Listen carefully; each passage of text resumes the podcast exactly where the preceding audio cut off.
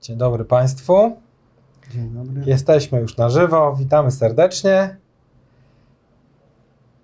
Dzień dobry. Bardzo szybko e, dołączają nowe osoby. Już jest e, kilkanaście osób. E, Witamy serdecznie. Proszę napisać skąd Państwo są. Przywitamy się. Świetnie, już jest kilkadziesiąt osób nowych się dołączyło do nas. Dzisiaj zapraszamy oczywiście na Dzień dobry, Panie Krzysztofie. Bardzo się cieszymy, że melduje się Pan. My też się meldujemy, jak widać. Dzisiaj ósmy webinar. Jestem z e, radcą prawnym Pawłem Wichanem. Oczywiście za chwilę się dokładnie jeszcze przedstawimy. Damy momencik. Dzień dobry Pani Jolanto, dzień dobry Panie Piotrze, Dzień dobry. dzień dobry Witamy. Panie Krzysztofie. Pan Zapraszam. Michał, pan Grzegorz, pan Robert, e, pani Magdalena, dzień dobry, pani Izabela, pan Piotr, Nowy Dwór Mazowiecki, bardzo miło, pan Miłosz z Warszawy. Okej, e, myślę, że już powoli możemy zaczynać. Jest już nasz spora e, ilość. Zacznę od zaproponowania Państwu naszego dzisiejszego schematu em, webinaru. Oczywiście będzie on miał typowy, jeżeli ktoś już z Państwa był wcześniej, e, schemat oparty na prezentacji, następnie na e, pytaniach. Ekran, który to wskazuje, mm, będzie tutaj, a w międzyczasie przedstawię e, naszego dzisiejszego gościa, radca prawny Paweł Wichen. Dzień dobry. Dzień dobry, dzień dobry Państwu. Jest to osoba bardzo mm, doświadczona w prowadzeniu spraw właśnie frankowych. W naszym zespole od wielu, wielu miesięcy e, bardzo dużo wniosła do spraw e, członków społeczności życia bez kredytu, za co jesteśmy niesamowicie wdzięczni. E, No i mam nadzieję, że w dniu dzisiejszym również przedstawimy Państwu dosyć dużo nowinek, które w ostatnich tygodniach od ostatniego webinaru się pojawiły. W szczególności powiem Państwu trochę na temat tego, jak wygląda najświeższe orzecznictwo, które zapadały e, w Sądzie Okręgowym tutaj w Warszawie. Opowiemy również e, nieco o e, sytuacji związanej z zabezpieczeniem roszczeń, to znaczy możliwością zawieszenia płatności rat i zakazu wypowiadania umowy przez bank. Więc myślę, że webinar będzie ciekawy i zapraszamy serdecznie. Oddaję głos mojemu em, dzisiejszemu prezenterowi, który przygotował nam świetną prezentację. Dzień dobry Państwu. E, Ja tutaj dzisiaj chciałbym e, naświetlić e, Państwu rodzaje roszczeń, które e, zdarzają się, które sądy uwzględniają w sprawach frankowych, e, żeby jakby e, trochę Państwu wskazać drogę, którą możemy wspólnie kroczyć lub Państwo mogą kroczyć w celu e, odniesienia tutaj końcowego sukcesu w, e, w sprawie z, z bankiem i, i, i- uwolnienia się od kredytu, tego złego kredytu, e, który jak mniemam Państwo posiadają. E, i Tutaj sku- skupimy się, chciałbym się skupić na, na właśnie rodzajach tych roszczeń. E, Również tutaj chciałbym omówić rozróżnienie unieważnienia i ustalenia nieważności umowy, które, które te pojęcia są językowo bardzo zbieżne, a, a, ale jednak e, w, w kontekście prawnym e, są znaczy, znacząco różnią się od siebie. I również też bym chciał mm, omówić teorię, mm, dwie teorie przy mm, właśnie uwzględnianiu roszczeń, które sądy e, stosują, czyli teorię Salda i teorię dwóch kondycji, e, od kondykcji. Teraz myślę, że możemy przejść Tak, e, tutaj do, do tej pierwszej części e, i chciałbym omówić roszczenie o ustalenie nieważności umowy. Jest to e, roszczenie, które jest e, de facto przy umowach frankowych m, roszczeniem najdalej idącym. Jest to roszczenie odrobinę od, odmienne od takich tradycyjnych, z jakimi mamy do czynienia w, sprawach sądowych, czyli zazwyczaj jest to roszczenie o świadczenie, tak? czyli mm, pozywamy kogoś o zapłatę, dokładnie Mhm. tak. Pozywamy kogoś, e, aby uzyskać jakąś jakieś świadczenie, tak no, na- najczęściej to jest zapłata, tak naj, naj, naj, najłatwiej to można określić. Tutaj roszczenie usta o ustalenie jest em, roszczeniem innym, ponieważ ono dzięki niemu sąd tutaj ustala, tutaj w, naszych sprawach ustala e, nieważność umowy, czyli ustala, że e, de facto, że ta umowa była nieważna od samego początku, czyli jak tutaj w, e, z łaciny mówiąc ex tunc. Em, I e, tak, żeby wystąpić do sądu e, z tym roszczeniem, to e, oprócz oczywiście argumentacji e, swojej, jak chodzi o swoją sytuację prawną i faktyczną, trzeba też wykazać interes prawny w, w dochodzeniu ustalenia tej nieważności. Tutaj w sprawach Frankowiczów myślę, że nie jest to przynajmniej dla, dla doświadczonych tutaj e, pełnomocników nie, nie jest to problemem, ponieważ e, no tutaj każdy tak naprawdę Frankowicz ten interes prawny posiada. Kwestia jest tylko dobrze ten interes uargumentować. Tak? Chodzi tutaj o to, że No właśnie, czym jest ten interes prawny? Bo y, generalnie rzecz ujmując, interes prawny kojarzy się e, z pewnego rodzaju e, wolą, być może, być może chęcią do stwierdzenia jakiejś e, czynności e, ust- ustalającej. Natomiast e, bardzo często są pytania odnośnie tego, czym jest taki interes prawny w tych sprawach Frankowiczów, co on ma regulować na przyszłość. Chodzi o to, że Frankowicz, który y, zawarł y, tą umowę y, z bankiem, a ta umowa jest nieważna, to dla tego Frankowicza, zwłaszcza jeśli ma umowę, która w dalszym ciągu jest realizowana i bank egzekwuje tą realizację tej umowy, dla niego no, interesem jest to, żeby bank to, żeby sąd ustalił nieważność tej umowy i, i żeby ten, ten skutek miał też na przyszłość, tak? Czyli żeby właśnie to nastąpiło to mm, przysłowiowe nasze życie bez kredytu, tak? Czyli żeby nie było obowiązku już y, dalszej spłaty y, rat, y, żeby można też uwolnić się od, od zabezpieczeń i, i od wszelkich hipoteki. facto, dokładnie hipo, hipoteki i de, de facto uwolnić się od całości tej umowy i tylko tak naprawdę tylko mm, takie orzeczenie, czyli jeśli sąd w sentencji nam stwierdzi, ustali nieważność tej umowy, to tylko ono nam daje rzeczywiście tą, y, to całkowite uwolnienie się. I wtedy mamy, i to jest mm, tak naprawdę ten interes właśnie przejawia się w tym, że Frankowicz chce mieć pewność y, swojego prawa, tak naprawdę y, um, uregulowanie swoich rzeczywistych skutków, ponieważ my tutaj oczywiście twierdzimy, że ta umowa jest nieważna i, no i de facto te umowy są nieważne, ale chodzi o to, że wtedy mamy pewność i nikt już nie może nam tego zakwestionować. Tak jest. Tutaj wskazujemy na jeden z przykładowych wyroków e, członka społeczności życia bez kredytu, e, gdzie właśnie sąd ustalił, że umowa jest nieważna, e, wskazując przede wszystkim na to, że mm, wykładnia preunijna przejawia się w stabilizacji sytuacji prawnej. Cóż to znaczy? No właśnie tutaj mm, to tak jak, jak, jak już tutaj mówiłem, ta stabilizacja przejawia się tym, że, że e, nasz tutaj przysłowiowy Frankowicz mm, nie ma już żadnych, żadnych wątpliwości w tym, w tym, że on tej umowy nie musi realizować. Tak? Czyli, że e, osoba ma pewną sytuację, że tej umowy już nie ma i bank ani nie ma prawa e, tutaj w, w jakkolwiek mm, ani tak, ani podawać tego Frankowicza do Biura Informacji Kredytowej, tak, co, co jest problematyczne. Ani oczywiście nie ma, nie ma możliwości, upadają hipoteka, upada hipoteka, więc nie ma możliwości z- tą naszą nieruchomością nic zrobić. Po prostu de facto my jesteśmy zupełnie uwolnieni od, e, od banku, od tego kredytu. Czyli to wiąże, e, taka ustalenie nieważności w sentencji wyroku, wiąże również e, sąd wieczystoksięgowy, jak rozumiem? Oczywiście tak, bo to Mhm. jest, ten wyrok może być realizowany, ponieważ y, jeśli ustaliliśmy, że ta umowa jest nieważna, to y,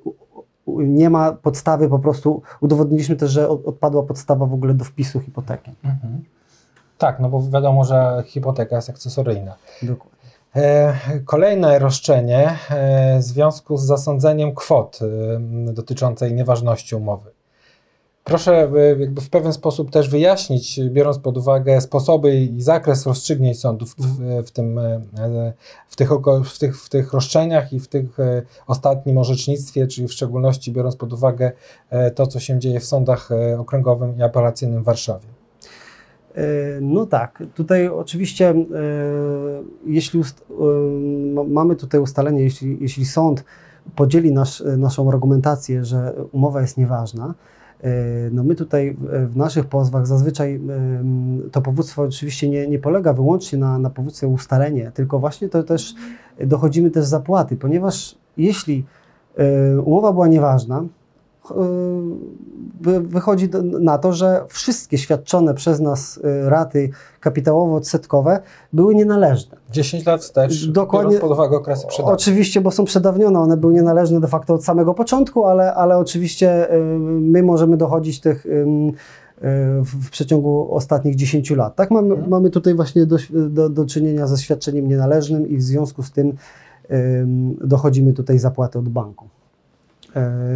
Jeszcze e, e, oczywiście tutaj jak chodzi o, o sposoby te, te, tej zapłaty, to może później e, przy omawianiu teorii salda i teorii dwóch tak jeszcze się jakby tutaj na tym bardziej skupimy też. I tutaj jakby są, mamy przykłady wyroków, które zapadają w, w sądzie okręgowym.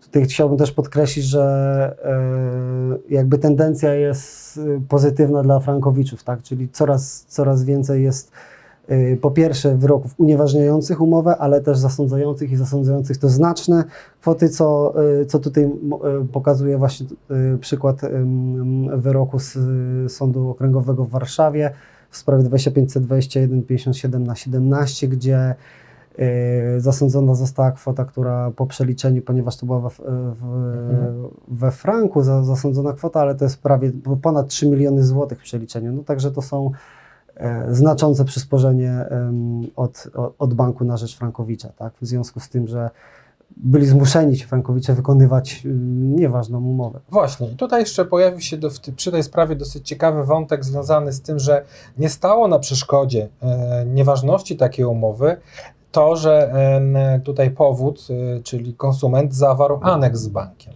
Oczywiście tak, bo e, to jest bardzo ważne, dlatego że bank E, bank, przepraszam, sąd.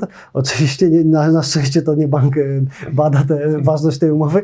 E, sąd, badając ważność umowy, zawsze bada ważność umowy na, na chwilę jej zawierania, tak? Czyli de facto tak naprawdę ani sposób realizowania tej umowy, jeśli nawet bank by ją realizował inaczej niż była zawarta i niby w jakiejś tam swojej dobrej woli, to nie ma żadnego znaczenia. Tak samo jakieś wszelkie aneksy później, później zawierane też nie mają znaczenia, dlatego że my tutaj mówimy tylko o sytuacji, która miała na, na, na, moment, na moment podpisania umowy. Tak? Czy, czy znane są Panu z orzecznictwa jakiekolwiek dokumenty, aneksy, porozumienia, które mogłyby sanować te pierwotnie nieuczciwe postanowienia umowne, doprowadzać do nowacji tego zobowiązania?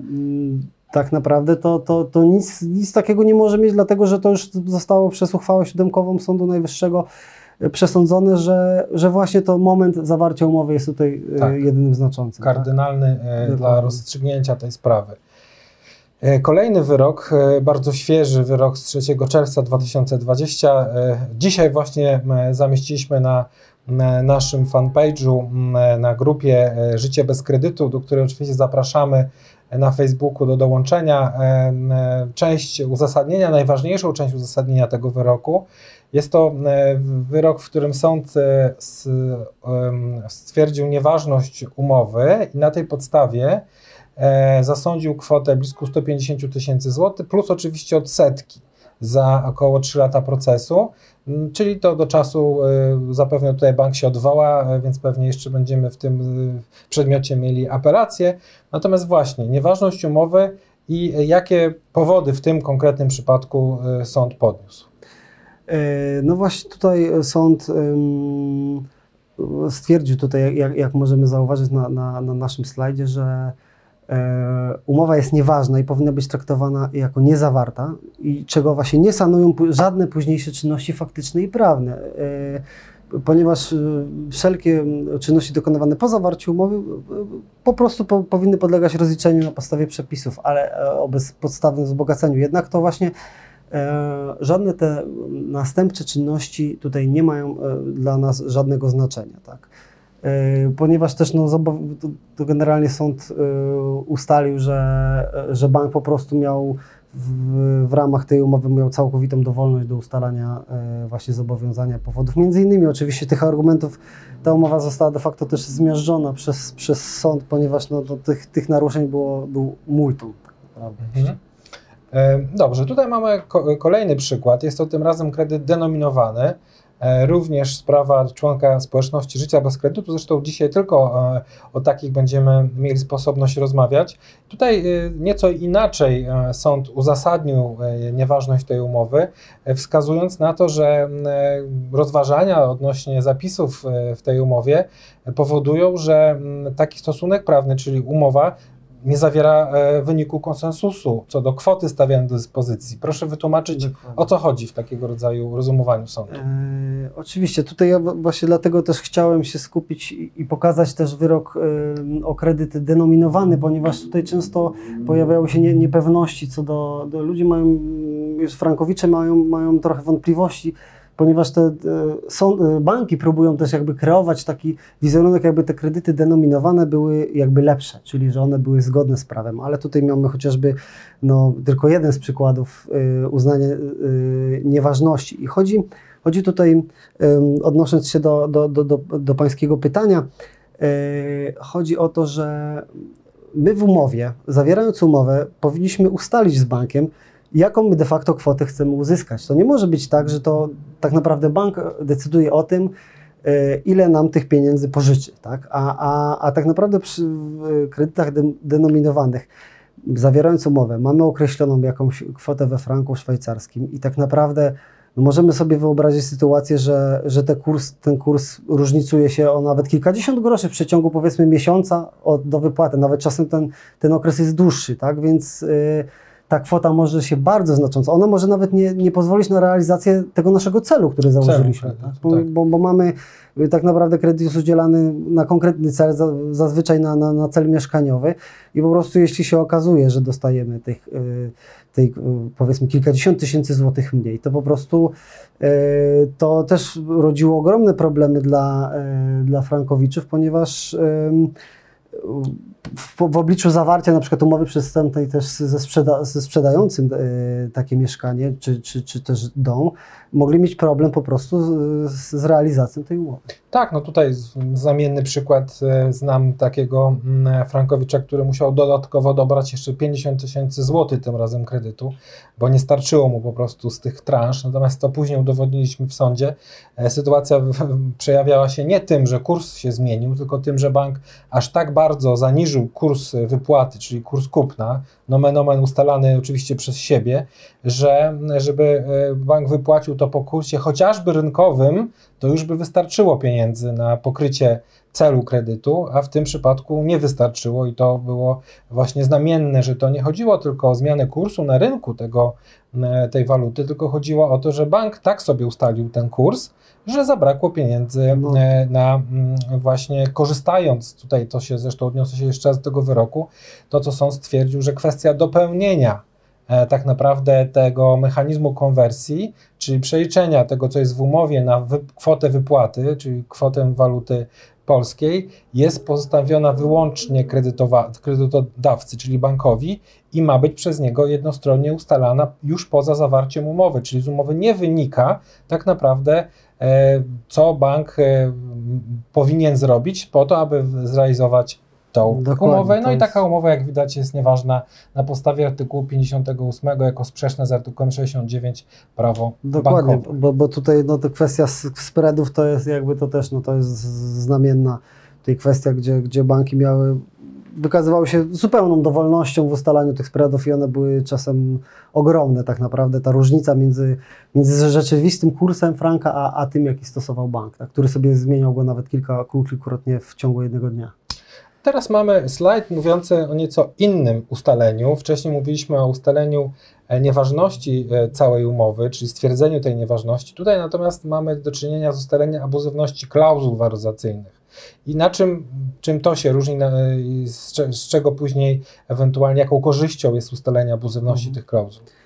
No tak, jest to, to jest rzeczywiście drugi typ, e, który tak naprawdę wiąże się też z ustaleniem nieważności, ponieważ umowa, jak jest ustalona, ustalona nieważność umowy, to też e, poprzez to, że, że najpierw jest ustalona abuzywność klauzul. Jednak jeśli w, w, w konkretnej sprawie E, sąd uzna, że e, właśnie w, w umowie zostały zastosowane klauzule abuzywne, czyli naruszające prawa konsumenta Jednakże z pominięciem tych klauzul umowa może być dalej realizowana tutaj w, tutaj w mniemaniu sądu. Wtedy tak naprawdę umowa ta pozostaje w mocy co do zasady, jednakże właśnie z pominięciem wszystkich tych klauzul i, i więc wtedy mamy do czynienia de facto y, od samego początku, żeby tutaj było jasne, bo to jest jakby bardzo ważne, umowa ta wtedy staje się umową o kredyt złotówkowy z zastosowaniem stawki LIBOR, bo to jest też ważne, że, że sąd, y, co zostało już też y, rozstrzygnięte również w związku z wyrokiem Trybunału Sprawiedliwości Unii Europejskiej, że sąd tutaj nie ma uprawnienia do mm, e, podmieniania jakby tych klauzul, tak? Czyli nie mhm. możemy zastosować sobie e, na przykład, tutaj chodzi o oprocentowanie to tutaj WIBOR-u, tak? Mhm. Tylko to musi być umowa, która da się realizować właśnie z pominięciem tych klauzul.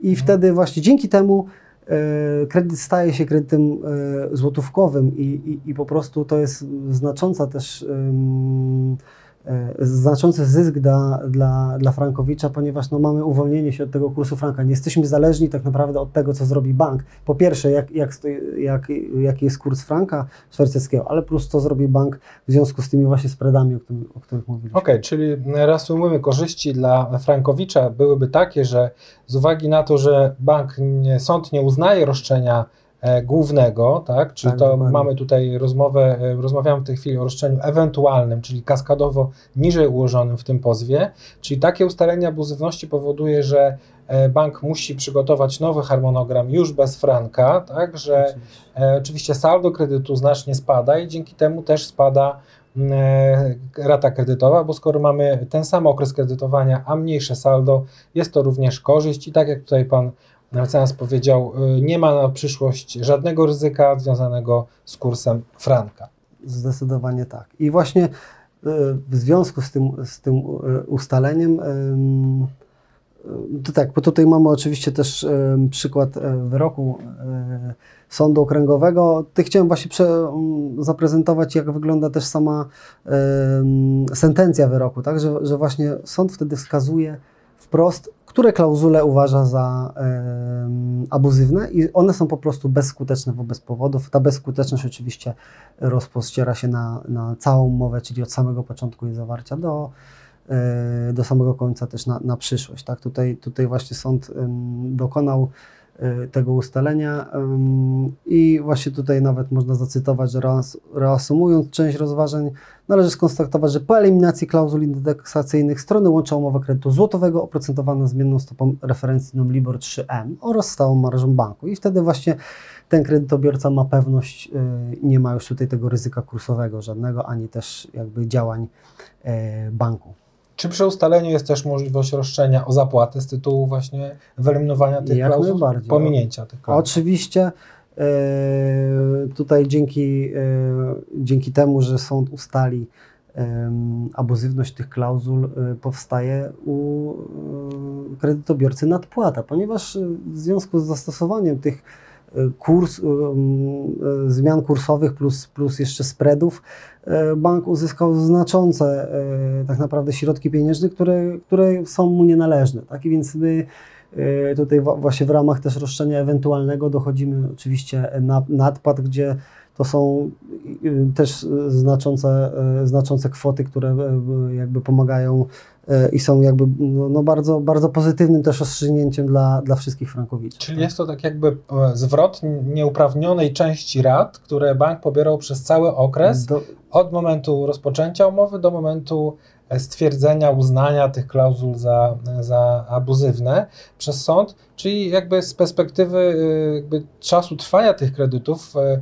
można oczekiwać, że około 1 trzecia dotychczasowej, czyli 30-35% wpłaconych do tej pory rat sumarycznie będzie zwrócone. Czy nie mylę się w tym zakresie? Jak najbardziej, jak najbardziej, bo właśnie z uwagi na to, że to były doświadczenia również nienależne, tak, bank jakby nie może czerpać e, ze swojej tak de facto złamania zasad współżycia społecznego tak, i, i, i interesów klienta nie, mógł, nie może czerpać po prostu korzyści finansowych. Tak. tak. Mimo, że y, sesja pytań i odpowiedzi będzie za chwilę, to rzuciłem okiem na pytanie pana Włodzimierza odnoszące się właśnie do e, tutaj tego, co mówił pan mecenas. E, czy po, przy odfrankowaniu pozostała część umowy spłacana jest po jakimś kursie? No tutaj kursu już nie ma, więc nie ma, tak. e, można powiedzieć, panie Włodzimierzu, że w, w sytuacji, kiedy e, s, s, umowa jest odfrankowana, to nie robi się przeliczenia e, po żadnym kursie tego dzisiejszego kapitału, tylko wyliczamy go od nowa, tak jakby nigdy nie było franka w umowie. Czyli przeprowadzamy, można powiedzieć, taką statystykę matematyczną tego, co do tej pory było, a to, co jest e, bez tych klauzul abuzywnych, pozostaje różnica, która z jednej strony powoduje zwrot nadpłat dla kredytobiorców, a z drugiej strony ustala te nowe, niższe saldo, przy czym e, właśnie z pominięciem jakiegokolwiek kursu franka. Tak, jeszcze tylko dodam, oczywiście pozostaje mi się tylko zgodzić z tym, co Pan powiedział, ale oczywiście mamy tutaj zastosowane oprocentowanie LIBOR 3, czyli zdecydowanie też bardziej korzystne dla, dla kredytobiorcy. Tak jest. I w tej chwili przechodzimy już do mm, e, podsumowania te, tego, co, co, co mówiliśmy o roszczeniach. E, czyli trzeba powiedzieć, że dobrze skonstruowany pozew zawiera e, wiele roszczeń. Są to roszczenia główne i roszczenia ewentualne. Znaczy roszczenie główne jest jedno i roszczenia ewentualne są, może być ich kilka. Oczywiście tym najdalej idącym najczęściej jest roszczenie o zapłatę z tytułu nieważności umowy, przy czym Ustalenie, czyli stwierdzenie tej nieważności jest również y, konstrukcją bardzo pożądaną, gdyż jeżeli sąd by zastosował teorię saldo, o czym zaraz powiemy, wówczas mimo tego, że nie będzie zwrotu środków, zakładając, że kredytobiorca nie oddał jeszcze kwoty wypłaconej kredytu, to przynajmniej jest już w sentencji wprost wpisane, że e, umowa kredytu jest nieważna, co niesie za sobą wiele skutków, między innymi tych najważniejszych, czyli e, można bez problemu uzyskać e, wypis, wykreślenie banku z hipoteki na kredytowane nieruchomości. Więc proszę powiedzieć, jak w tej chwili prezentuje się E, prezentują się różnice w orzecznictwie, jeżeli chodzi o stwierdzenie nieważności tej umowy, e, czyli czym różni się teoria salda od zasady dwóch kondykcji? Oczywiście. No właśnie tak jak, jak tutaj wspomnieliśmy, e, te teorie na tę chwilę są jeszcze dwie. My mamy, żywimy taką dużą nadzieję na tym, że, że w końcu też dzięki orzeczeniu Sądu Najwyższego to się zmieni i że ta teoria będzie jedna. Ale teraz Mamy tutaj do czynienia z pierwszą teorią, czyli teorią Salda, która przewiduje to, że w ramach, w razie uznania umowy za nieważną, e, sąd dokonuje de facto rozliczenia między stronami i to robi, mm, tak naprawdę sądy robią to z urzędu, mm, czyli e, oczywiście wcześniej posiłkując się e, opiniami biegłych w tym zakresie, ale wyliczają, jaką kwotę zwrócił, uiścił na, na rzecz banku kredytobiorca, a, a, a, jaka kwota była należna w związku z, z, z wypłaconym kapitałem. Tak? I jeśli, e, jeśli ta kwota spłat jest wyższa niż kapitał, wtedy zasądza e, różnicę na rzecz e, kredytobiorcy. Jeśli natomiast ta kwota jeszcze nie, nie doszła jakby do, do, do kwoty wyjściowej kapitału, wtedy no, tego zasądzenia nie ma.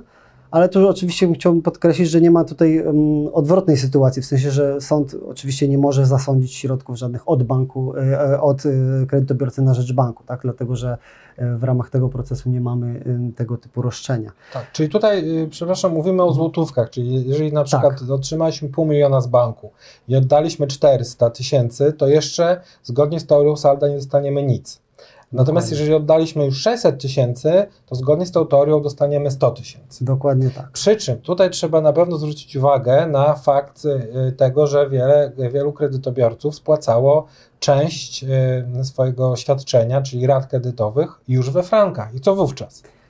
Y, no właśnie tu zupełnie odmiennie, nawet przy zastosowaniu przez sąd teorii salda, kształtuje się sytuacja tych frankowiczów, ponieważ w przypadku spłacania E, tego roszczenia we franku, nie ma żadnej podstawy, aby, bank zatrzymał sobie te franki szwajcarskie, dlatego że odpadła nam w ogóle cała podstawa. My otrzymaliśmy kwotę w złotówkach, więc nie ma, tak jak już wspomniałem, nie ma żadnych podstaw prawnych, żeby, e, żeby te kwoty bank zatrzymał. Czyli wtedy jest tak, jeśli na przykład kredytobiorca część, y, powiedzmy 100 tysięcy złotych e, uiścił w złotówkach, później kolejne powiedzmy 100 tysięcy franków uiścił e, we, bezpośrednio we franku szwajcarskim, wtedy to 100 tysięcy złotych sąd zalicza na poczet tego kapitału, więc ono nie podlega zwrotowi, przy oczywiście zastosowaniu teorii salda.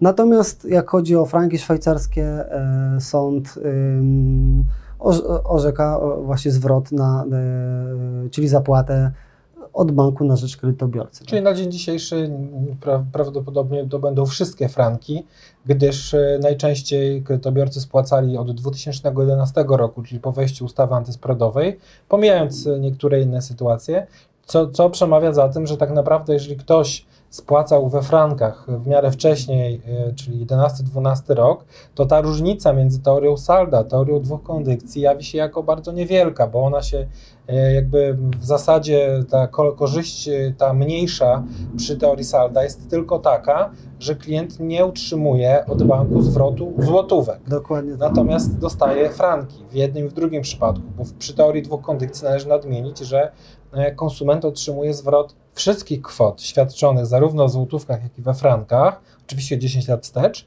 natomiast z drugiej strony też nie ma w jednym i w drugim przypadku umowy i też nie ma konieczności spłaty już dalej żadnych rat kapitałowo-odsetkowych do banku. Do, dokładnie. No, my stoimy na, na, na yy, stanowisku, że tutaj właśnie właściwą jest ta teoria dwóch kondycji, dlatego że teoria salda zakłada tak naprawdę trochę e, działanie sądu ponad e, roszczenie, gdyż bank ma prawo w ramach e, procesu zgłosić e, zarzut potrącenia, może też e, wystąpić z powództwem wzajemnym, bądź, bądź jeszcze zgłaszać inne swoje roszczenia, lecz banki z tego nie korzystają, ponieważ byłoby to poniekąd przyznanie racji właśnie temu powództwu, nieważności umowy, dokładnie. Czyli bank najpierw musiałby uznać powództwo nieważności i dopiero i później pozew na przykład tak, wzajemny. Tak? Dokładnie, tak? bądź potrącić tak. swoją wierzytelność, którą, którą posiada posiada, więc y, tak naprawdę i tutaj banki i też nie, niektórzy sędziowie właśnie w tym zaliczaniu tego kapitału powołują się na względy słuszności, na zasadę współżycia społecznego, co w naszej ocenie, w mojej ocenie, ale też wielu, wielu innych prawników zajmujących się tego typu sprawami jest nieuprawnione, ponieważ tutaj bank, który jakby pierwszy, jako zresztą e, strona zdecydowanie silniejsza, właśnie te, te, te względy słuszności, te zasady służycia społecznego naruszył, on nie powinien mieć, zgodnie z zasadą e, czystych rąk, tak zwaną, e, właśnie prawa do, do, do powoływania się samodzielnie też na, na, na te względy słuszności. Dlatego też ta, w naszej ocenie właśnie ta teoria dwóch kondykcji ma tutaj zastosowanie, powinna mieć zastosowanie, dlatego że wtedy to nasze roszczenie, z którym my występujemy, jest y, przez sąd zasądzane w takim zakresie, jeśli oczywiście sąd y, uważa je za stosowne, a wtedy jeśli bank chciałby ewentualnie dochodzić swoich roszczeń, to on ma do tego prawo, ma swoich prawników, zresztą może, może występować ze swoimi roszczeniami, które oczywiście my będziemy z racji tego, że są roszczenie banku o zwrot kapitału, jest po prostu przedawnione, tak? gdyż roszczenie Frankowicza jest roszczeniem przedawniającym się z z terminem dziesięcioletnim, a bank jako przedsiębiorca ten e, termin ma trzyletni e, tego Tak jest. Kolejna, kolejny temat, kolejna kwestia to jest wyrok Sądu Najwyższego z końca 2019 roku, chyba jeden z najnowszych wyroków, tak szeroko traktujących właśnie kwestie Frankowiczów. Co tutaj jest istotne i co pomaga, co jest korzyścią w sprawach właśnie, Właśnie tutaj e, Sąd Najwyższy e, jakby potwierdził e, tą teorię właśnie dwóch kondykcji. Tak? Sąd Najwyższy stwierdził, że samo spełnienie tutaj świadczenia nienależnego jest, powoduje to, że w przypadku uznania umowy właśnie za nieważną jest, powstaje samodzielne roszczenie o zwrot tej kwoty. Tak? I niezależnie czy kredytobiorca też jest dłużnikiem banku, czy nie, że to jest samodzielne po prostu roszczenie. I, i właśnie to jest jeden z wyroków takich bardzo pozytywnych, które, które wpływa też na orzecznictwo sądów okręgowych. Tak, tak no wpisuje się to bardzo dobrze. Oczywiście my to, tak jak już tutaj Pan mecenas wcześniej powiedział, w tej chwili e, mamy zagadnienie prawne, które e, E, wszystkie możemy, oczy są zwrócone na to, co powie Sąd Najwyższy, e, traktując właśnie, odpowiadając na te zagadnienie prawne Sądu Okręgowego w Warszawie, wówczas powinno to być już przesądzone.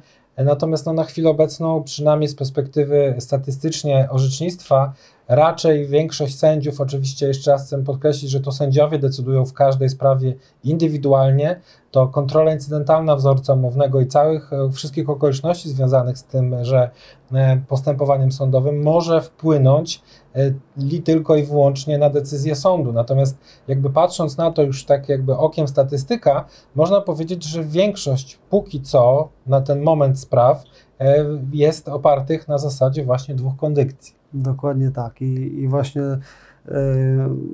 no mamy tutaj nadzieję, że E, że też potwierdzi po prostu, że de facto potwierdzi to Sąd Najwyższy, tak? tak że, że bo my jesteśmy przekonani i, i, i naprawdę już jest e, no, znakomita. Tu, tu, na przestrzeni też, też lat to widać tą ogromną zmianę właśnie jak e, w, w spojrzeniu na, na, na, ten temat i właśnie w, w jakby dochodzeniu do, no, według nas właściwego tak naprawdę, właściwych wniosków. E, właśnie, i mamy tutaj pewnego rodzaju podsumowanie. E, panie mecenasie, oczywiście podstawy i skutki ustalenia, że umowa jest nieważna na podstawie artykułu 189, jak wiemy już, e, jest pomocne przy chociażby wypisaniu czy wykreśleniu banku z hipoteki. Co dalej w, w ramach tego podsumowania jest istotne, abyśmy tutaj mogli podsumować? Um, właśnie tutaj w, w tym miejscu chciałbym tutaj powiedzieć o rozróżnieniu ustalenia nieważności umowy kredytowej, a, a jej unieważnieniu, ponieważ te dwa, e, dwie formuły niestety są mylone, dlatego że one językowo są bardzo zbliżone. Jak ktoś nie jest prawnikiem, to jakby nie ma, nie ma co się dziwić, że, że, że te omyłki powstają, dlatego że brzmi to tak samo. Tak? A, aczkolwiek niestety to rozróżnienie też bywa błędnie stosowane w, również w wyrokach. Oczywiście ba banki też tutaj lobbują za tym, że, że właśnie to powinno być unieważnienie umowy. A teraz i rozróżnienie polega właśnie na tym, że um, ustalenie nieważności umowy jest to ustalenie istniejącego stanu faktycznego, tak? czyli że sąd de facto tylko potwierdza to, co już jest. Czyli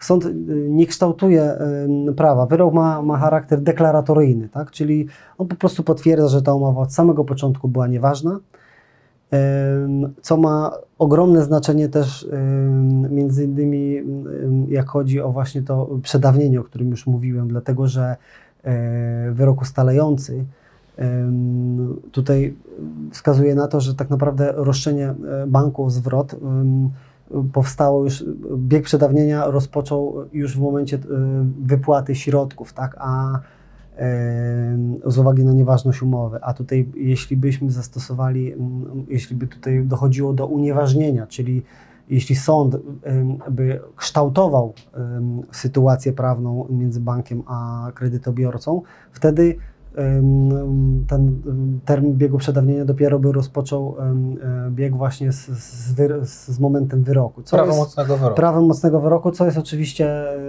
no, nieprawidłowe po prostu, dlatego że to nie jeżeli umowa jest nieważna, to Dokładnie, jest nieważna od jest nieważna od początku. To, to, to nie jest no jakby, to jest po prostu potwierdzenie istniejącego stanu prawnego. Tak?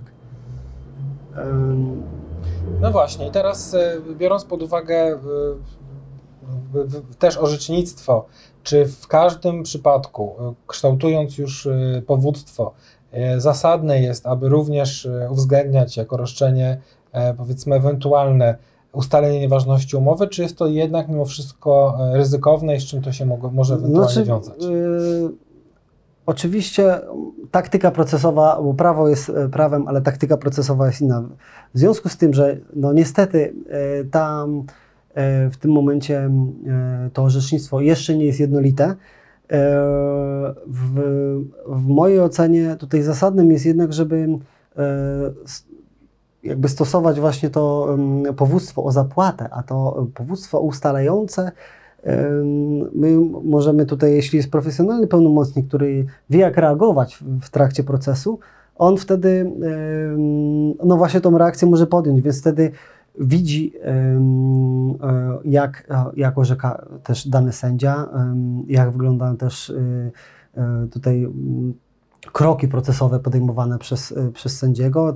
No też oczywiście każda sprawa jest indywidualna, więc myślę, że z racji tego, że powództwo ustalenie kreuje nam to na przykład, że wartość przedmiotu sporu jest, jest cała wartość umowy, tak? więc wtedy większa jest szansa na, przy, przy rozliczeniu na przykład to wtedy e, przy zastosowaniu tory salda powiedzmy jest tutaj może być mniejsza większa, większy zakres przegranej powiedzmy po, po, po, stronie banku. Po stronie tak, e, banku. Więc, więc myślę, że, że to wszystko zależy od strategii. Dokładnie tak, to jest strategia procesowa.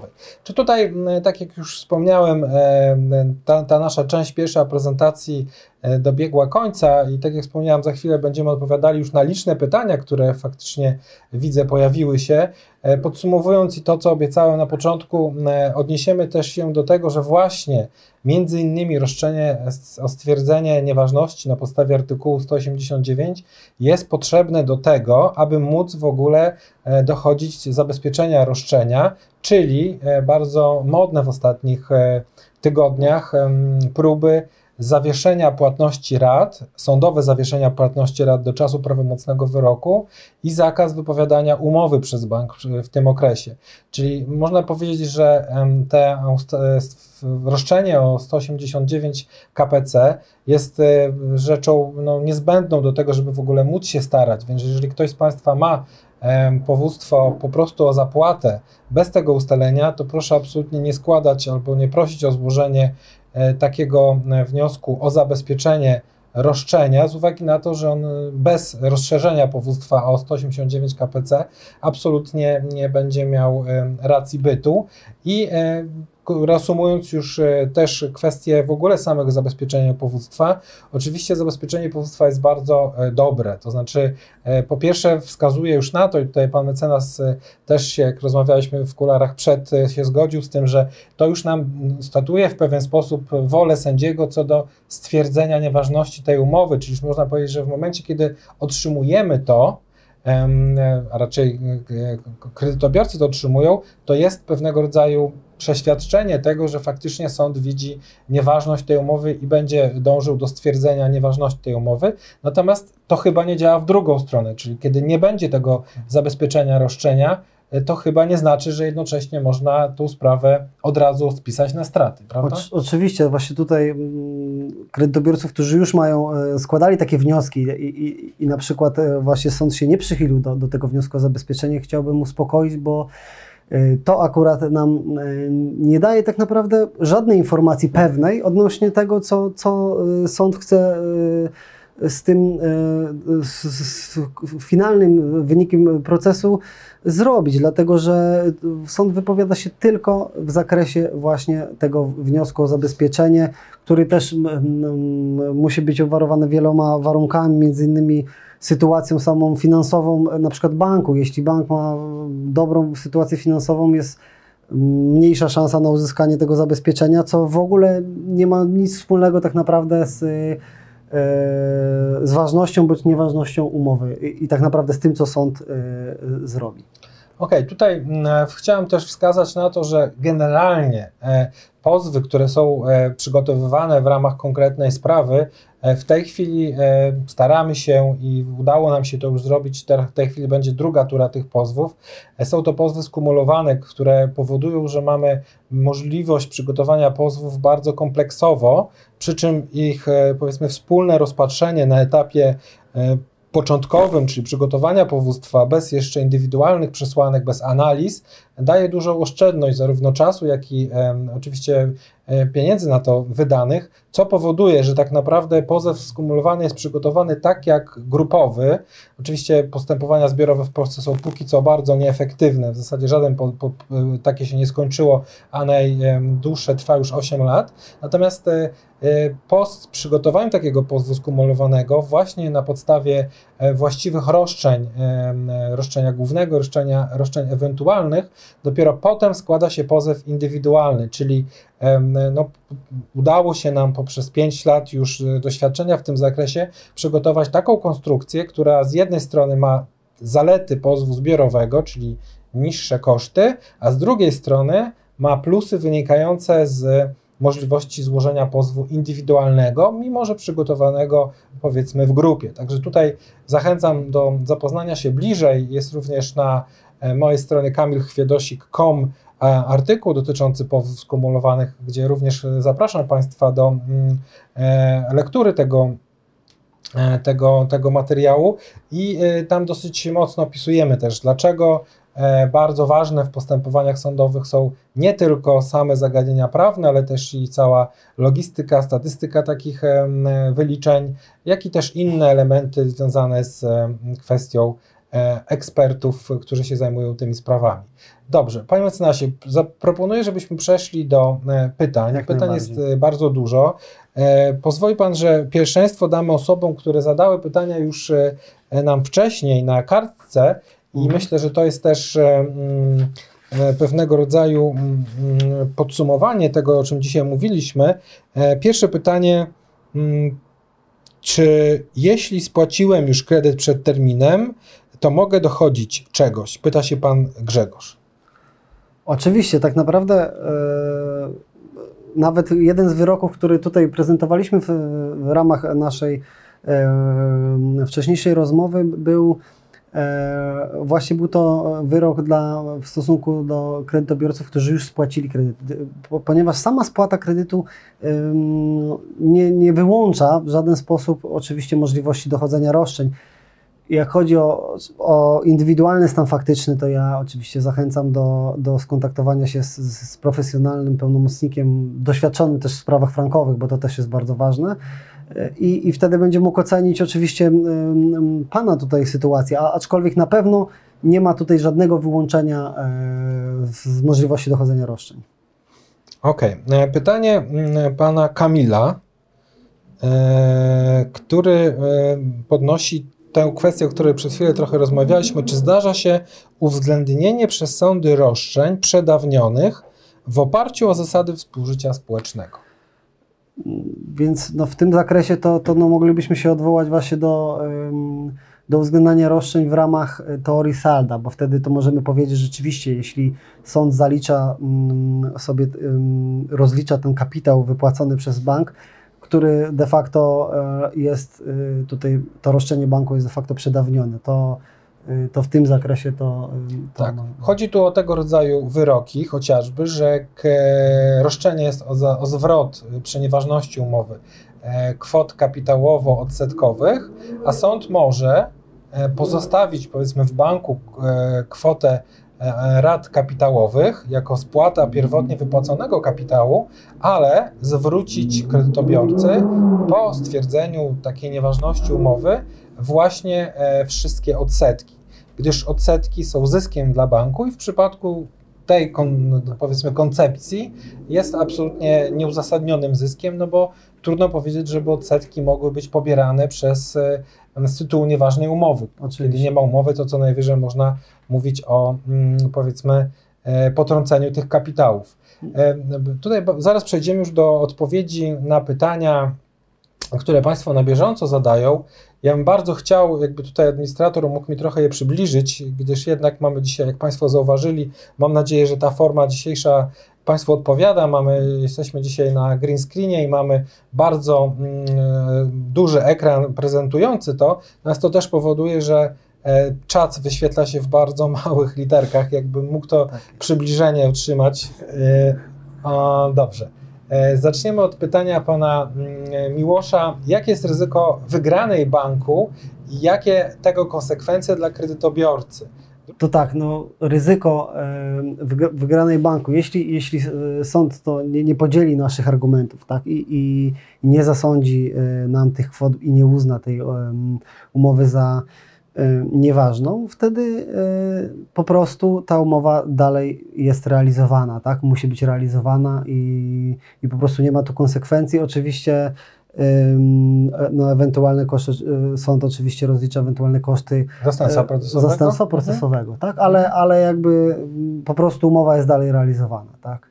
Dobrze, to teraz drugie pytanie. Jaki jest koszt postępowania sądowego w przypadku e, przegranej e, pokrywa to kredytobiorca? No to oczywiście zależy to od wartości przedmiotu sporu. Dokładnie, a, a, aczkolwiek tutaj maksymalną, jak chodzi o, o, o wpis sądowy, tak, czyli do, bo myślę, że to też jest y, częścią tak, pytania. Mhm. jest to y, kwota 1000 zł, ponieważ tutaj ustawa o, o, o kosztach przewiduje y, właśnie taką maksymalną płatę, już tutaj niezależnie jak jest nawet wysoki, wysoka wartość przedmiotu sporu. Tak? Trzecie pytanie pana Miłosza e, to jest, jak wygląda rozliczenie e, i zarówno w przypadku wygranej, jak i przegranej.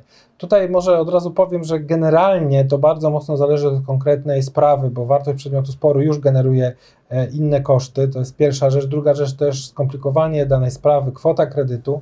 Dlatego jeżeli Panie Miłoszu, czy Państwo chcielibyście się dowiedzieć, jak to mogłoby wyglądać w Państwa konkretnym przypadku, to tutaj opublikuję konfigurator ofert, który e, po wypełnieniu e, formularza RODO i przedstawieniu analizy, e, umowy do analizy w ciągu trzech dni mogą Państwo konkretnie otrzymać wszystkie wytyczne co do kosztów, co do ryzyk, w ogóle czy te postępowanie nadaje się, mówiąc kolokwialnie, do przeprowadzenia e, w sądzie. Także tutaj nie ma uniwersalnej odpowiedzi, Panie Miłoszu, natomiast no, trzeba liczyć się z tym, że na pewno mm, wszystkie te powiedzmy warunki e, można dopasować, są bardzo elastyczne, e, obecnie są również gwarancje, które dają pewnego rodzaju bez zabezpieczenie klientowi ryzyk związanych z takim procesem, także to jest bardzo indywidualna sprawa i tutaj myślę, że, że, że też nie, nie musimy się nad tym rozwodzić. Pani Izabela pyta się, czy można sprzedać nieruchomość pomimo wniesienia pozwu jakie to niesie skutki dla kupującego i sprzedającego?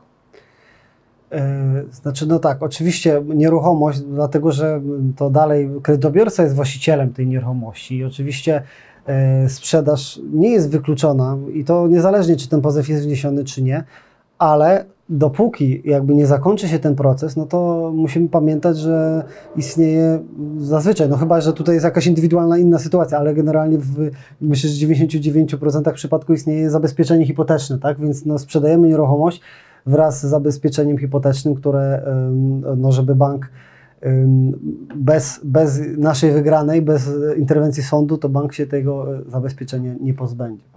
Tak, natomiast e, rozumiem, że też może być nieco inna, inaczej ujęta odpowiedź. E, pani Izabelo, jeżeli Pani sprzedaje nieruchomość i jednocześnie spłaca kredyt, no to oczywiście trzeba zastrzec e, spłatę, czyli zrobić tak zwane zastrzeżenie spłaty i wówczas w czasie trwania takiego procesu wykonuje się rozszerzenie powództwa o kwoty wniesione, czy to od momentu złożenia pozwu, czy to od momentu, czy to w punkcie właśnie spłaty tej, e, tego kredytu. I skutki no, w zasadzie są żadne, to znaczy tutaj wtedy e, roszczenie jest e, dużo większe finansowo. Oczywiście wówczas już nie da się stwierdzić nieważności tej umowy, bo kiedy jej nie ma, no to już nie można jej stwierdzić, wobec tego też nie ma możliwości pod to akurat mm, roszczenie wykonać zabezpieczenia powództwa, chyba że miało być to roszczenie zabezpieczone majątkowe, ale to jest już akurat przy naszych sprawach frankowych bardzo rzadka kwestia.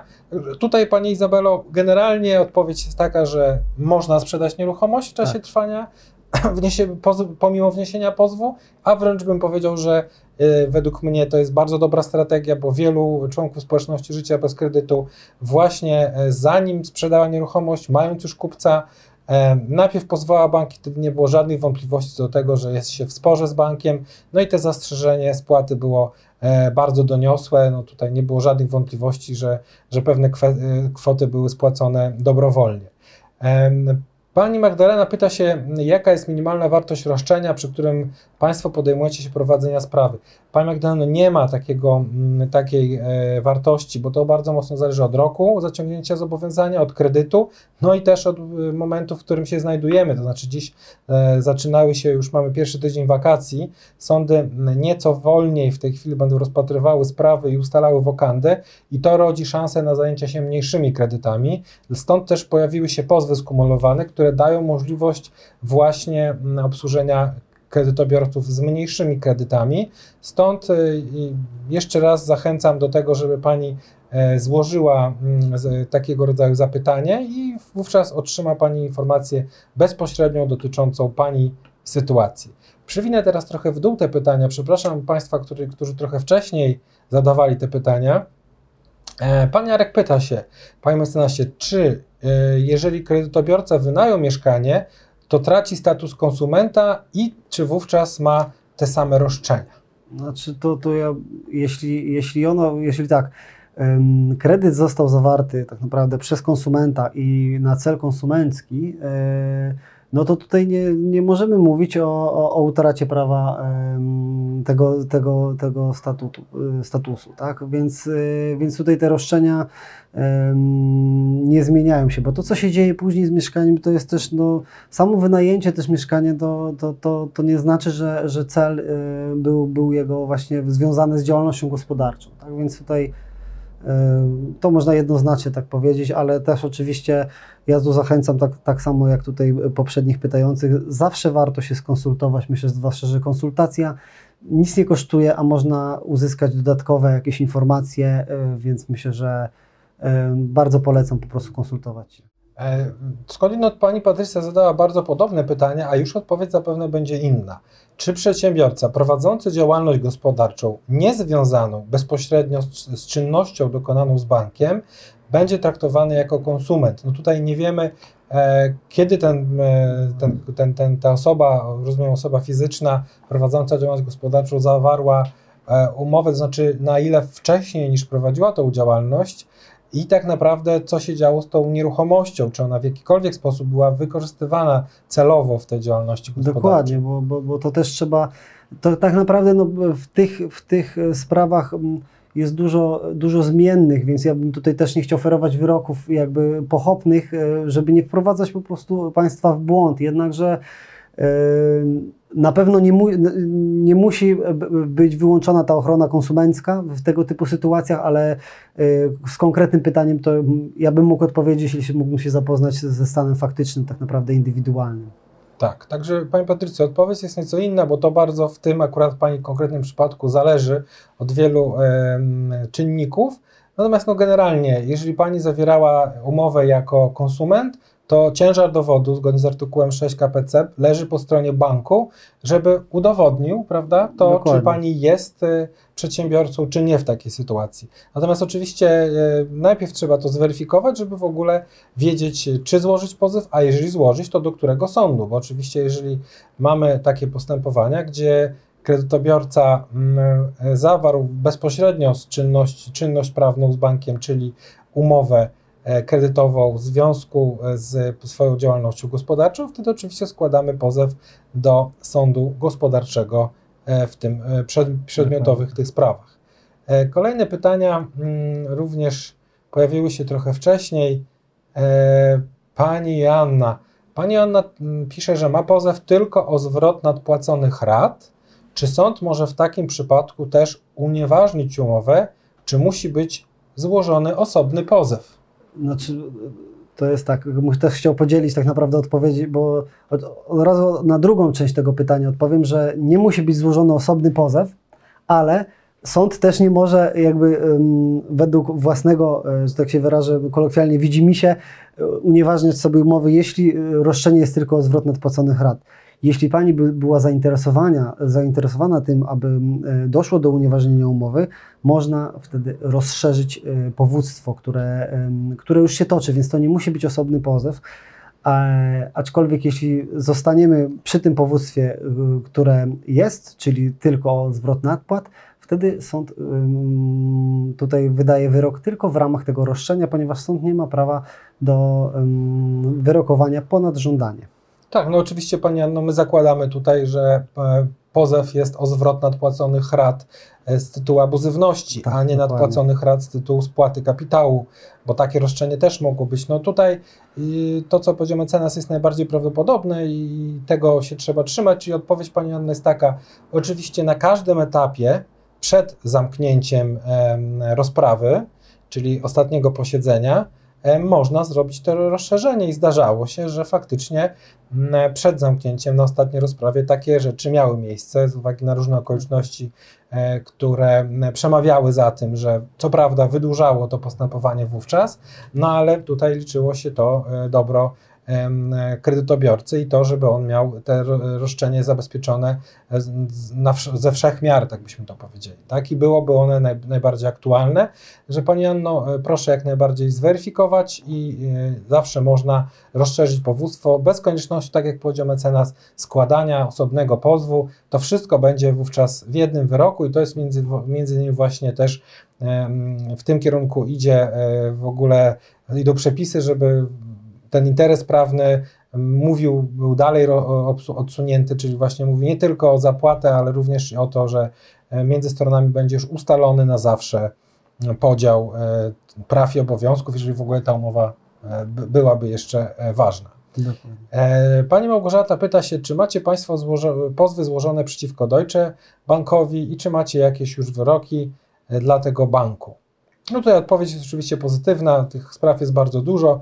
Jutro będziemy mieli prawdopodobnie wyrok e, w sprawie nawet w sądzie gospodarczym Deutsche Banku, także proszę obserwować. Mam nadzieję, że, że już się uda, bo wyrok miał, miał zapaść w czasie e, koronawirusa i oczywistych względów nie został wydany. Natomiast no, wcześniejsze e, tutaj ten wyrok, który omawialiśmy dotyczący kredytu denominowanego, to właśnie był kredyt Deutsche Banku, gdzie sąd stwierdził, brak konsensusu w przedmiocie ustalenia kwoty kredytu i stwierdził nieważność tej umowy. Także tak jak najbardziej jest to niezbyt popularny e, bank e, kredyt, ale oczywiście takie postępowania e, członkowie społeczności życia bez kredytu mają wytoczone. Jak najbardziej, bo ten, ten Deutsche Bank też uchodził wśród niektórych kredytobiorców jako taki, który, z którym trudno jest wygrać, jednakże tak. jak wskazuje doświadczenie jeśli umowa jest nieważna, jest po prostu nieważna i tak naprawdę niezależnie od tego, jaki to jest bank, e, możemy, e, możemy tą, tę sprawę wygrać. Tak? Jest, jest szansa na wygraną. No to już, jeżeli już rozszerzamy temat Deutsche Banku, to oczywiście trzeba stwierdzić, że jest to, może tak, nie jest to najprostszy bank, e, biorąc Dokładnie. pod uwagę zarówno orzecznictwo, czyli ilość procentowo wygrywanych spraw, jak i też samą konstrukcję umowy na przestrzeni lat. I tutaj trzeba stwierdzić, że tak naprawdę na przestrzeni e, chociażby 2006, 2007 i 2008 bank stosował bardzo różne zapisy, chociażby co do systemu rat spłaty. Tutaj są sławetne system rat równych, które nigdy nie były równe. A co ciekawe, bank dzięki temu sobie zabezpieczał dodatkowy zysk, gdyż skracał bez wiedzy kredytobiorcy okres kredytowania, czyli przez to zawyżał też ratę odsetkową. No tutaj zresztą Deutsche Bank jest jedynym bankiem, który przyznał się generalnie na całym świecie, czyli również w Europie, do tego, że manipulował również Liborem. Także no bank, który w zasadzie można powiedzieć w żaden sposób mm, nie określał tego świadczenia obiektywnie, które miał y, regulować później kredytobiorca, ale mimo wszystko nie są to, nie jest to bank, gdzie mam e, przeświadczenie o tym, że jest to bank, gdzie faktycznie najwięcej spraw procentowo jest wygrywanych. E, są inne banki, gdzie się wygrywa 100% spraw. E, pani Patrycja pyta się, mm, jak odniesiemy się do wyroku sądu dotyczącego tego, że bieg przedawnienia roszczenia dla banku rozpoczyna się z chwilą unieważnienia umowy. Właśnie już tutaj pan mecenas dzisiaj chwilę o tym mówił, może proszę rozszerzyć jeszcze, Dokładnie. skoro mam pytanie. E, no, tak jak już wspomniałem wcześniej, e, no, według, według nas, ale nie tylko, nie tylko nas, jest to zupełnie bezpodstawne, ponieważ jak tutaj w, też już mm, wspomnianym wyroku Sądu Najwyższego sąd określił, że nieważność umowy ocenia się na, na chwilę e, jej zawierania, więc tutaj nie mamy de facto e, do czynienia z unieważnieniem umowy, tylko że z ustaleniem jej e, nieważności, tak, która i więc bieg przedawnienia musi rozpocząć się właśnie z momentem wypłaty kapitału, a nie zaś z, z momentem wyrokowania przez sąd, dlatego że to by zupełnie odwracało całą istotę tak naprawdę tych postępowań i, i to by de facto świadczyło o tym, że ta umowa była ważna, a dopiero sąd y, ją unieważnił. A to nie o to chodzi. Ta, ta właśnie sęk jest w tym, że ta umowa była nieważna od samego początku. Tak jest. E, tutaj miałem prośbę o udostępnienie ponownie kalkulatora, więc udostępniłem to, proszę bardzo. E, pytanie Pani Marzeny, jakie mamy doświadczenia z Nordea Bank?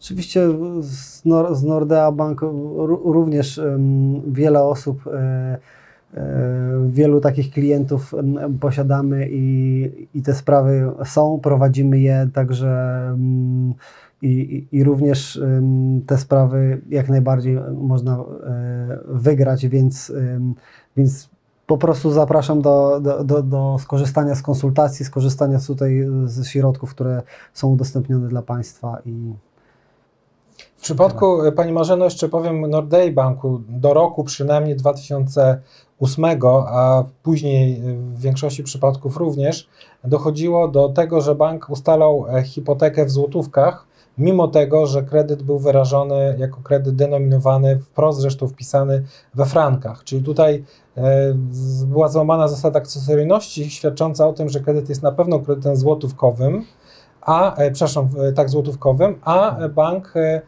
nie ma w ogóle nigdzie podanej kwoty złotówek w umowie i przez to wobec braku esencjali negoti umowy, czyli kwoty kredytu jako postanowienia istotnego, taka umowa po prostu upada, bo nie wiadomo jest, jakie świadczenie strony ustaliły i tutaj już trudno mówić, tak jak w przypadku chociażby Deutsche Banku o tym, że bank będzie się bronił, że był to kredyt walutowy, gdyż tutaj no, nie można tego stwierdzić, gdyż nawet zabezpieczenie hipoteczne nie jest w walucie.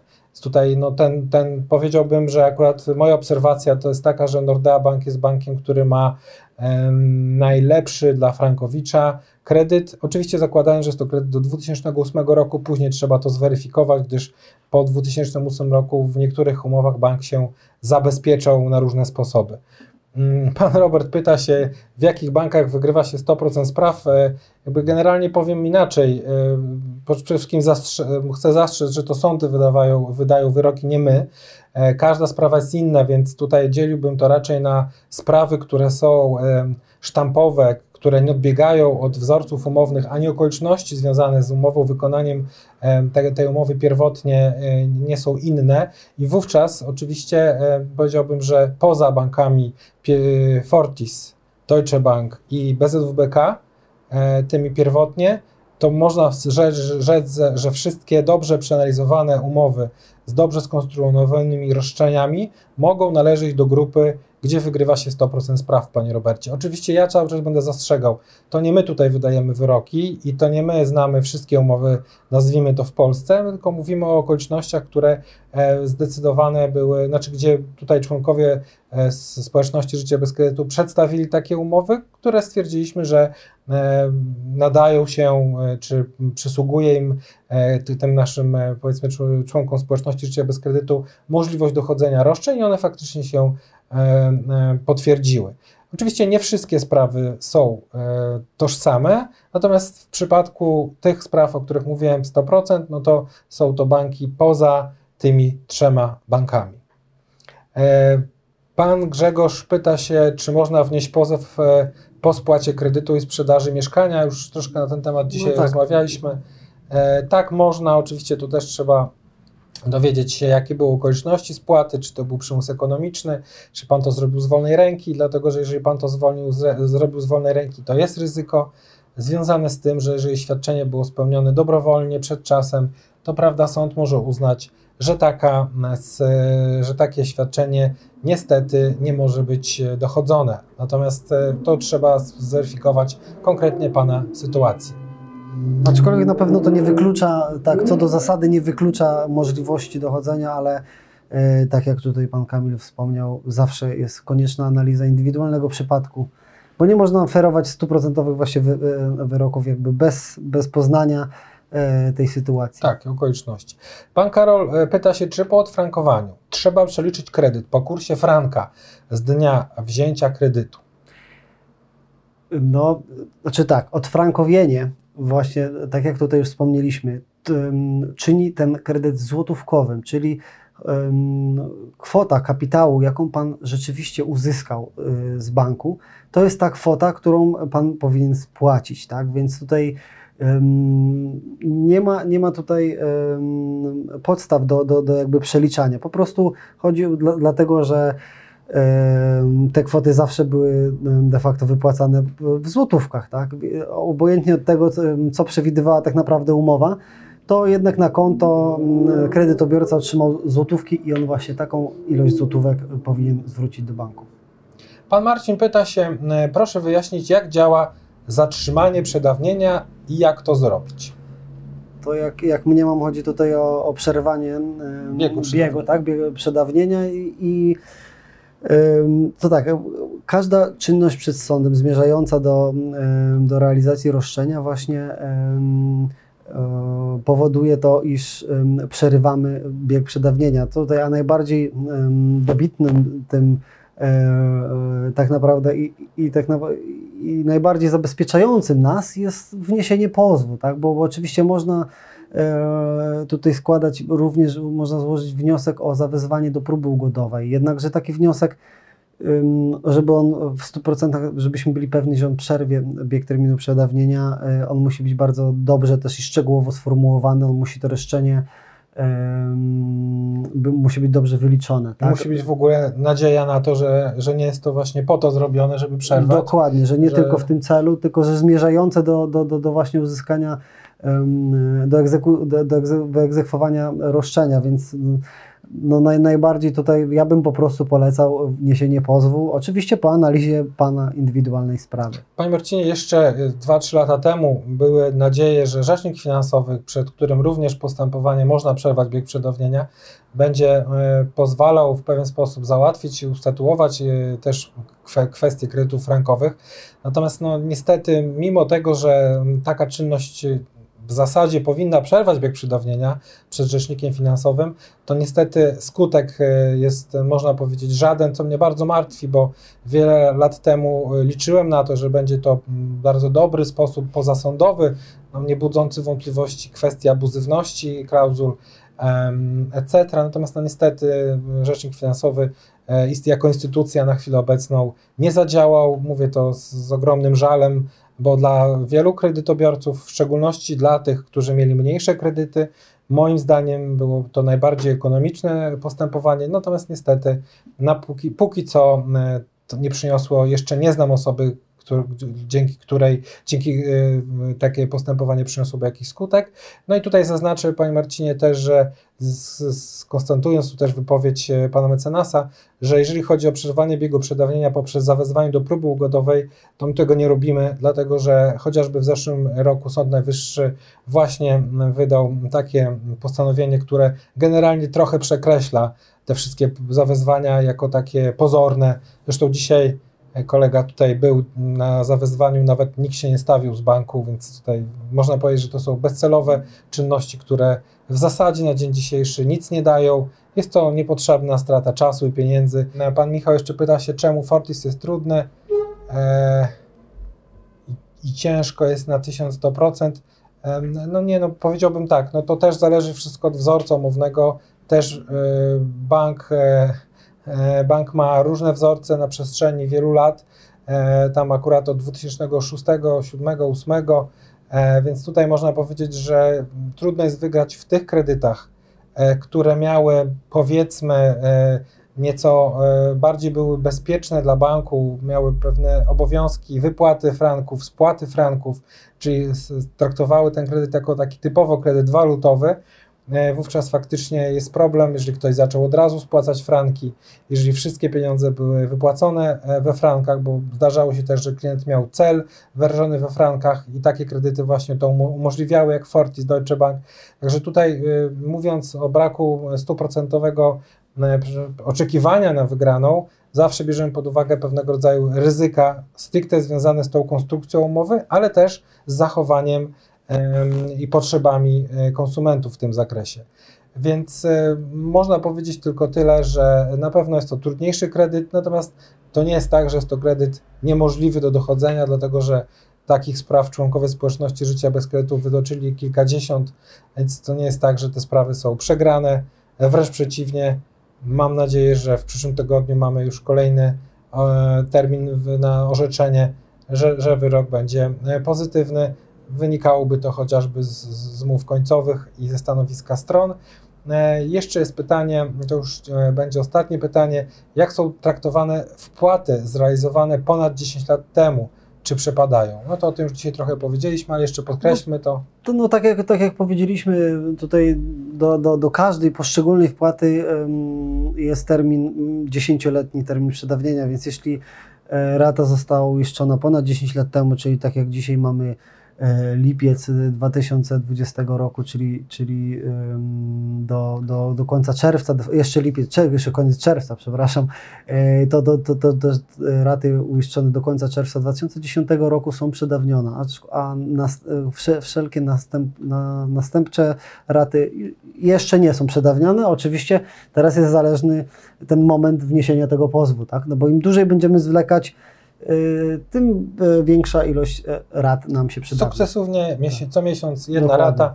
Zrobiliśmy nawet takie wyliczenia wśród ekonomistów społeczności Życie bez kredytu, które doprowadziły do wniosku, że sektor bankowy rocznie na tym, że frankowicze nie pozywają, czyli w tej chwili ponad 90% frankowiczów jeszcze nie pozwało banku, banków, banki, to e, traci 6 e, miliardów złotych, czyli z drugiej strony można spojrzeć na to, że banki e, zyskują 6 miliardów złotych rocznie na przedawnieniu roszczeń frankowiczów.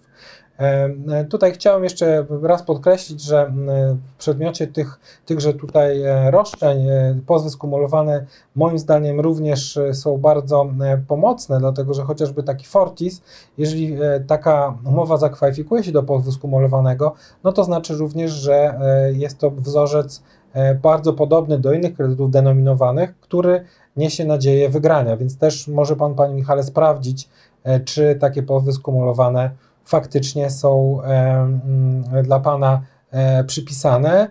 Jeżeli nie, no to wtedy będzie można rozmawiać o kredycie już po, po połóstwie takim typowo indywidualnym. Natomiast zachęcam do zweryfikowania. Jest to oczywiście e, dobra droga, moim zdaniem, żeby zapoznać się.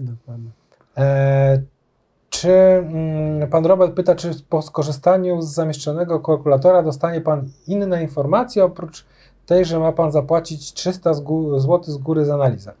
Otóż tak, Panie Robercie, przede wszystkim e, wykonanie analizy i przedstawienie oferty nie wiąże się z żadnymi kosztami.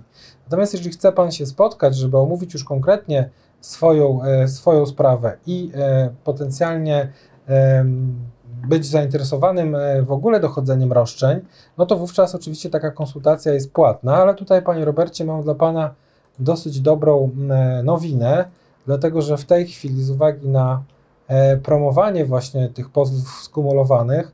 Mamy, mm, zaraz to pokażę, specjalną ofertę rabatu na konsultacje online, czyli też nie muszą Państwo e, wychodzić z domu. W dogodnym terminie można skorzystać z e, połączenia chociażby przez Zoom i można mm, skonsultować sobie 50% taniej swoją umowę czy warunki współpracy. Wystarczy, że Państwo E, wpiszą w czasie rezerwacji terminu e, hasło, kod skumulowany 50. Ten kod jest ważny do 15 e, lipca i wówczas będą mogli Państwo również na ten temat bliżej porozmawiać. Także tutaj jest dosyć dużo różnych opcji, możliwości.